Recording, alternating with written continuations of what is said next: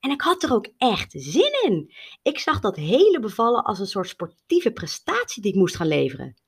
Het voelde alsof ik maanden voor de marathon had getraind en deze eindelijk mocht gaan lopen.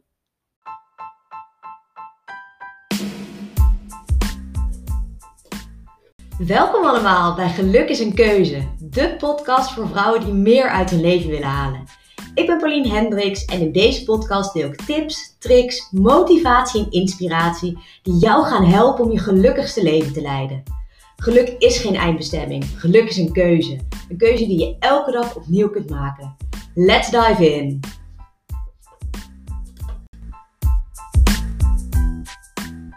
Hey, welkom bij een nieuwe aflevering van Geluk is een keuze.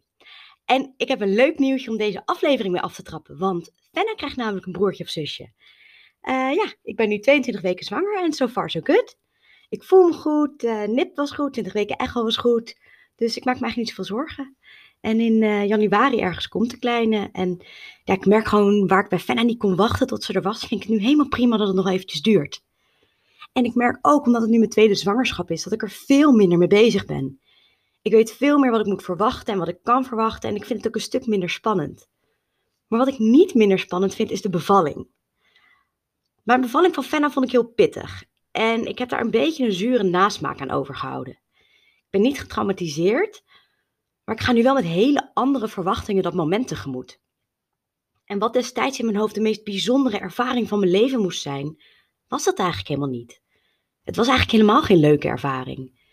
En ik heb sinds Fenna's geboorte echt nog vaak aan mijn bevalling teruggedacht en geanalyseerd wat er nou precies gebeurd is, waardoor ik het zo, nou, zo vreselijk vond. En in hindsight kwam dat doordat er meer van mijn leerkanten, meer van mijn ontwikkelpunten omhoog kwamen dan mijn sterke kanten. En dat ik me daardoor heel erg onzeker en uit balans voelde op dat moment. En dat is wat ik in deze podcast met je wil delen. Wat ik heb geleerd van een onverwacht minder leuke ervaring, in dit geval mijn bevalling van Fenna. En de lessen die ik hiervan geleerd heb, waardoor ik nu steviger in mijn schoenen sta en daardoor beter businesskeuzes kan maken. En waarschijnlijk denk je nu, oké, waar gaat het allemaal heen? Dus ik begin even met een kleine setting the scene. Want vanaf kleins af aan ben ik, ja, ben ik eigenlijk altijd al bang geweest om ooit te moeten bevallen. Mijn vader vertelde altijd het horrorverhaal van hoe vreselijk de bevalling van mij voor mijn moeder was. Dus ik kreeg van jongs af aan al ingeprent dat bevallen dood en dood eng is. En dat ik me later pas realiseerde dat het het beeld van mijn vader was van de hele situatie. En niet het beeld van mijn moeder. Dat, ja, dat doet er eigenlijk even niet toe, want het zaadje was al geplant. En bevallen was in mijn hoofd dus echt iets heel engs. Maar toen ik eenmaal zwanger was de eerste keer en er dus no way back was, was ik eigenlijk helemaal niet meer bang. En ja, ik vond het wel spannend, want ik wist niet wat ik kon verwachten, maar ik was niet bang. Sterker nog, ik was super zelfverzekerd. Ik was uber fit. Ik had mijn hele zwangerschap veilig doorgetraind. Liep met 41 weken nog lachend 10.000 stappen per dag. Ik had een hypnobirthing cursus gedaan.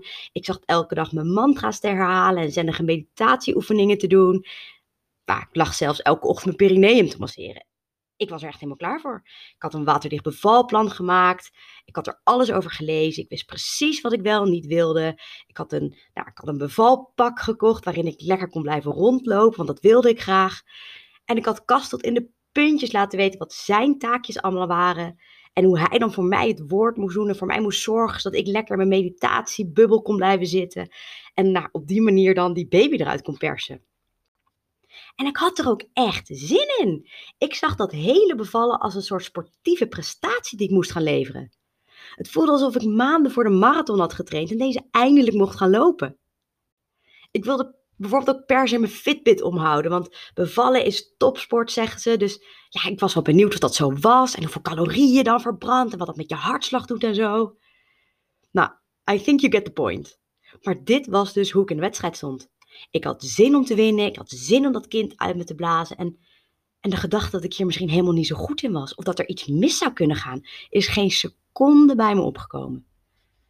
Ik ben echt nog nooit van zo'n koude kermis thuisgekomen. En naïef kun je denken. Maar ik voelde me supergoed voorbereid. En het begon al met het feit dat Fenna elf dagen te laat was. En ik zat vanaf week 38 al aan de wachtstand.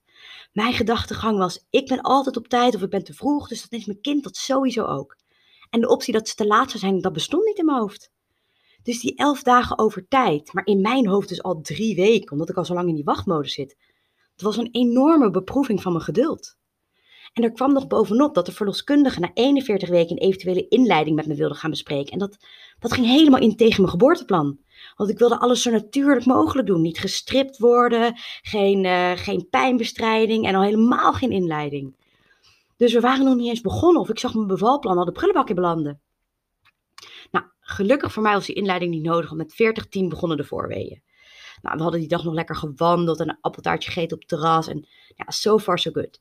Aan het einde van die middag kwam de verloskundige langs en die vroeg toen of ik toch niet nog gestript wilde worden. Ik dacht, nou ja, weet je, het is nou toch al soort van begonnen, dus doe maar. Wat achteraf op zich wel fijn was, want het zette, ja, het zette toen wel door. Ik ben lekker in bad gaan liggen met dimlicht en kaarsjes en hypnobirthing muziek. En Cassie was nog lekker een rondje gaan lopen. Nou, toen hebben we de rest van de avond volgens mij gewoon een film gekeken. Ik op mijn skippiebal gestuiterd, ik weet het niet eens meer. En de weeën waren toen wel vervelend, maar het was nog wel te doen. Nou, long story short, na middernacht kwam de verloskundige en die feliciteerde me dat het begonnen was omdat ik 1 centimeter had. 1 centimeter. En ik vond de pijn toen al vervelend. Maar oké, ze zou twee uur later terugkomen. Dus na twee helse uren, waarin ik nou, Cas alleen had gelaten, zodat hij nog wat kon slapen, komt ze terug en zegt, ja, je zit op 2 centimeter. En ik dacht alleen maar, hoe dan? Hoe ga ik ooit die 10 centimeter halen? Nou, zij wilde weer weg. Ik zei, jij gaat echt niet weg. En toen zei ze, nou, het enige wat ik nu nog kan doen is je vliezen breken. En hopen dat dat er wat meer vaart in brengt. Nou, dat had ze gedaan. En verder bleek in het vruchtwater gepoept te hebben. Dus we moesten toen direct naar het ziekenhuis. En het was denk ik toen vijf uur s ochtends, zes uur s ochtends. Toen ik in zo'n blauw ziekenhuisgeval werd gehezen. Ik had inmiddels drie centimeter ontsluiting. En ik trok het niet meer. Ik trok het gewoon niet meer. Dus ik zeg tegen Cas, ik wil een ruggenprik. En hij zegt, nee, dat wil je niet. Je hebt me alleen maar verteld dat je dat niet wilde. Je wil misschien zo'n pompje, weet je wel. Ik zo, nee, nee, nee, nee, nee. Ik moet nu die ruggenprik. Nou, gelukkig lukte dat vrij snel. En nou, toen dat ding er eenmaal in zat en de pijn weg was, realiseerde ik waar ik was. En dat het zo anders was dan ik me had voorgesteld lag ik daar aan het bed gekluisterd in een ziekenhuispak, aan allerlei infusen, met extra oxytoxine, een blaaskatheter, een hartslagmeter om mijn arm en om mijn buik. En ook al was de pijn er weg, ik raakte totaal overstuur. Ik begon heel hard te shaken, heel hard te huilen. Ik had geen idee wat me overkwam. En omdat ik schrok van mijn eigen reactie, ging ik het ook nog proberen in te houden. Omdat ik me schaamde voor de, ja, in mijn ogen buitenproportionele huilbui. Ik was totaal overweldigd door al die slangetjes en snoertjes en piepende monitoren en dat lelijke blauwe pak wat ik aan had. En ik mocht mijn bed niet uit en ik kon niet rondlopen en ik wilde zo graag op die skippiebal zitten. Mijn hele bevalplan viel in duigen. Hoe ging ik dit in hemelsnaam doen? Ik had me hier niet op voorbereid. En toen kwam de dokter na twee uur terug en die zei dat ik op 9 centimeter zat. En dat ze over een uur weer terug zou komen, want dan konden we gaan beginnen. En ik begon nog harder te huilen. Want nu ging het echt gebeuren en ik had geen flauw idee hoe. Dus ik zeg tegen Cas, oké, trek me nu uit deze pity party. Want op deze manier komt er echt geen baby. Ik kan hier toch niet overstuur gaan liggen bevallen. Haal me hier uit. Dus we hebben wat lollige selfies gemaakt om het moment te herinneren. En toen merkte ik dat er een knop omging. Van oké, dit gaat nu gebeuren. En het ging dan wel totaal anders dan ik had bedacht. En dan ik had gepland en voorbereid en gehoopt. Maar dit is nu eenmaal de situatie en hier moet ik mee dealen. En dat was het moment dat ik me herpakte. En drie uur later lag Fenna gezond en wel op mijn borst en was alles weer oké. En ik weet dat elke bevalling anders is. En dat elke vrouw bevalling anders ervaart. En dat er verhalen zijn die honderdduizend keer spannender en enger en levensbedreigender waren dan mijn verhaal. Maar toch heb ik hier een zure nasmaak aan overgehouden. En dat komt omdat ik ontzettend met mezelf ben geconfronteerd. Allereerst was het niet de fysieke uitdaging die ik ervan gehoopt of gedacht had. Die calorieën en die Fitbit, echt no clue, want ik had het hele ding niet eens om. Ik had mezelf, ja, voor mijn gevoel fysiek zo enorm overschat. En dat voelde echt als een klap in mijn gezicht. Ten tweede kon ik die pijn niet aan. Ik kwam niet in die flow die sommige vrouwen ervaren. En dat was confronterend, want ik had zo hard geoefend met mijn meditaties en mijn visualisaties en mijn ademhaling. En het lukte me gewoon niet. En dat het me niet zou lukken was, was ook nooit in mijn hoofd opgekomen. Ten derde kon mijn hele bevalplan van het moment één de prullenbak in. Mijn hele plan kwam niks van terecht. Dus ik had geen houvast meer. En ik hou van houvast. En als laatste was ik gewoon zo enorm overweldigd door dat hele ziekenhuisgeweld, noem ik het maar. Dus al die monitoren en piepjes en metertjes en iedereen die maar in en uit komt wandelen. En dat, nou ja, gecombineerd met moeheid en adrenaline en endorfine en een infusie met oxytocine. Mijn hele hormoonhuishouding sloeg op tilt. Dus ik reageerde daar zo heftig op. En daar schrok ik zelf heel erg van. Dus ik voelde me alles behalve mezelf. In een situatie dat je letterlijk en figuurlijk zo, zo open bent. En dat vond ik zo eng. En ik was laatst een podcast aan het luisteren over bevallen. En daarin werd gezegd dat je ware zelf boven komt tijdens je bevalling. En ik weet niet of ik dat geloof, of ik weet niet of ik het niet wil geloven, omdat het beeld wat ik van mezelf had tijdens de bevalling niet het beeld is wat ik normaal gesproken van mezelf heb. Of wat het beeld is wat ik van mezelf wil hebben. Maar het heeft me wel aan het denken gezet over wat deze, ja, wat voor mij echt wel een ja, minder leuke ervaring was, mij geleerd heeft. En hoe ja, in het, ja, hoe ik in het vervolg om kan gaan met spannende en onverwachte situaties. En ten eerste, nou, dit hele verhaal, zoals je hoort, straalt natuurlijk control freak uit. Ik heb mezelf bijna over voorbereid en had zo'n sterk beeld bij hoe dit moest verlopen dat het eigenlijk totaal onrealistisch was. Dus wat ik hiervan geleerd heb is, ja, bereid je goed voor op alles wat je moet doen en op alles wat belangrijk voor je is. Zowel in je privéleven als op je werk. Maar laat het dan ook los en laat het dan ook op zijn beloop. Want je kunt niet alles in de hand hebben. Ik had niet kunnen voorspellen hoe mijn bevalling zou verlopen. En dat kan ik ook niet bij de volgende. En een voorbeeld van hoe deze ervaring mij beter maakt in mijn werk is dat, dat ik iets super goed kan voorbereiden, maar ik kan niet voorspellen hoe je iemand anders erop reageert. Ik kan er uren en uren en uren in gestopt hebben. Maar hoe iemand mijn coaching ervaart, hoe iemand mijn masterclasses vindt, of de inzichten die iemand uit mijn cursussen krijgt, die kan ik niet van tevoren voorspellen. En hetzelfde geldt voor jou. Je kan je ergens nog zo erg je best voor doen of op hebben gedaan. En een totaal andere uitkomst krijgen dan je had verwacht. En in plaats van dat je zo krampachtig vasthoudt aan een, aan een bepaalde uitkomst, moet je juist loslaten waar je geen invloed op hebt. En ten tweede had ik maar één scenario, mijn ideale scenario, mijn perfecte bevalling. En dat was onrealistisch van me. Een plan, een plan B hebben is gewoon best handig. Als het alleen maar dat je van tevoren al een keer hebt nagedacht over wat je worst case scenario is. En dat je van tevoren proactief nadenkt wat je zou kunnen doen als dat scenario zich voordoet. Want als je al een plannetje hebt en je worst case scenario komt uit, dan is die, ja, dan is dat, die situatie gelijk een stuk minder eng. Omdat je al weet wat je kunt doen om je worst case minder worst te maken. En dat is dan gelijk mijn derde les. En dat is ben niet bang en raak niet overweldigd of overstuur als je worst case scenario uitkomt. Voor deze bevalling had ik duidelijk geen worst case scenario bedacht. En had ik dat wel gedaan, dan was het zeker niet mijn huidige situatie geweest. Want ik had me honderd keer naardere dingen kunnen voorstellen. Dus stel dat ik wel had nagedacht over een worst case scenario, dan was mijn ervaring me waarschijnlijk nog heel erg meegevallen. Maar niet bang zijn dus voor je worst case scenario, want dat is geen goede raadgever. Ik heb daar overigens al eerder een podcast over gemaakt. Dus als je dat nog niet geluisterd hebt en het lijkt je interessant, het is volgens mij aflevering 4. Dan check die even. Maar goed, als jij dus in welke situatie dan ook altijd bang bent voor het ergste wat er zou kunnen gebeuren, dan doe jij nooit wat.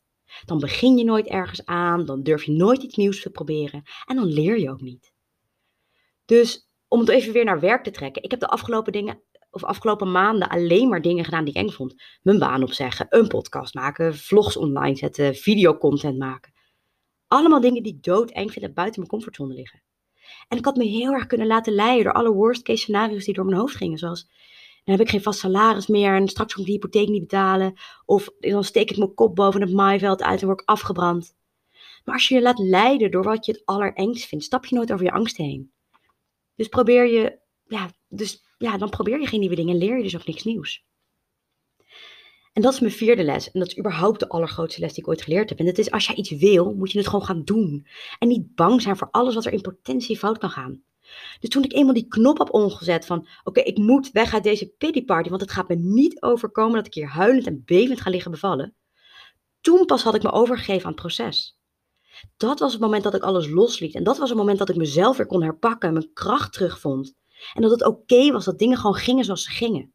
Vanaf dat moment kwam ik weer verder. Vanaf dat moment was ik niet meer bang. En om deze, om deze les om te zetten in hoe dit me helpt in mijn werk, is dat ik veel minder bang ben geworden om dingen gewoon te proberen. Want hoe kan je ooit weten of je iets kunt? Of hoe kun je ooit iets tot een succes maken als je het niet probeert?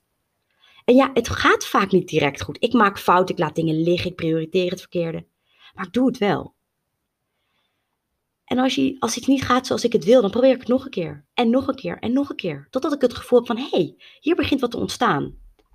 En ik neem deze podcast vaak als voorbeeld, omdat een podcast beginnen zo'n ver van mijn bedshow was.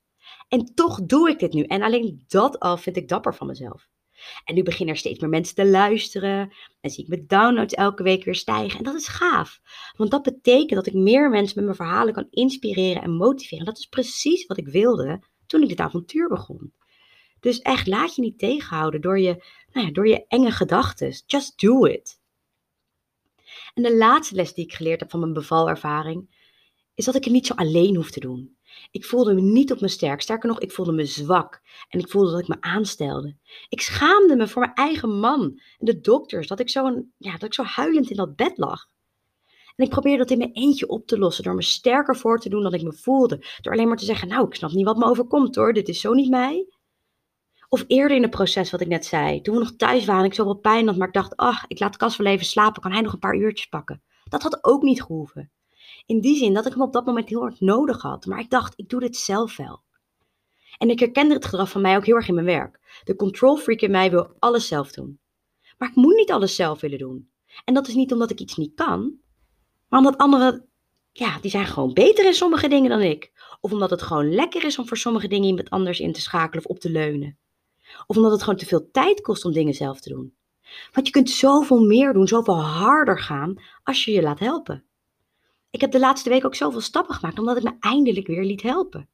Ik kreeg er bijvoorbeeld maar niet voor elkaar om deze podcast op Apple Podcast te krijgen. Het is vast niet lastig, maar het kreeg het gewoon niet voor elkaar.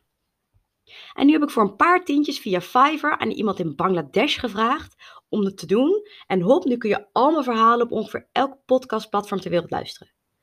Of een ander voorbeeld, mijn marketing automation. Laat ik nu ook gewoon door een vriendelijke meneer uit India doen. Hij is een expert. Hij doet alleen maar e-mail automations opzetten. En dat scheelt me zo ongelooflijk veel tijd en uitzoekwerk die ik weer kan besteden aan dingen waar ik goed in ben. Anyway, dit is wat ik van mijn bevalervaring heb geleerd. En ik zal de lessen nog even één keer opnoemen. Eén is laat los waar je geen invloed op hebt. 2. Denk proactief na over je plan B. 3. Ben voorbereid op wat je kunt doen als je plannen niet gaan zoals je had gehoopt. 4. Als je iets wilt, doe het dan en laat je niet tegenhouden door wat er in potentie allemaal mis kan gaan. En 5. Je hoeft het allemaal niet alleen te doen. Zoek hulp en steun en laat je helpen. En voor het geval je je nu afvraagt wat ik straks dus anders ga doen in januari als ik voor de tweede keer beval. Um, nou, allereerst zie ik het niet meer als een, als een sportprestatie. En ten tweede heb ik er ook geen verwachtingen meer bij van over hoe het gaat of over hoe het moet gaan. Het gaat zoals het gaat en dat is oké. Ik ben niet meer bang voor die hele ziekenhuissetting en ook de nadrukkelijke wens om alles zo natuurlijk mogelijk te laten verlopen, laat ik gewoon gaan. Als het kan, zou ik dat echt prachtig vinden, maar zo niet, dan meld ik me direct bij de anesthesioloog. En ook ga ik meer op kast leunen, letterlijk en figuurlijk. Die laat ik dit keer dus niet slapen als ik hem nodig heb. En ik hoef me ook niet groot te houden bij hem als ik me niet zo voel. En al die perineeënmassages ga ik ook niet meer doen, want ze zetten een knip erin en al die uren zijn voor niks geweest. Maar goed, als jij nog tips voor me hebt, let me know. En wat ik na dit hele verhaal jou nog wil laten weten, is dat ik weer één coachingspot vrij heb vanaf begin oktober.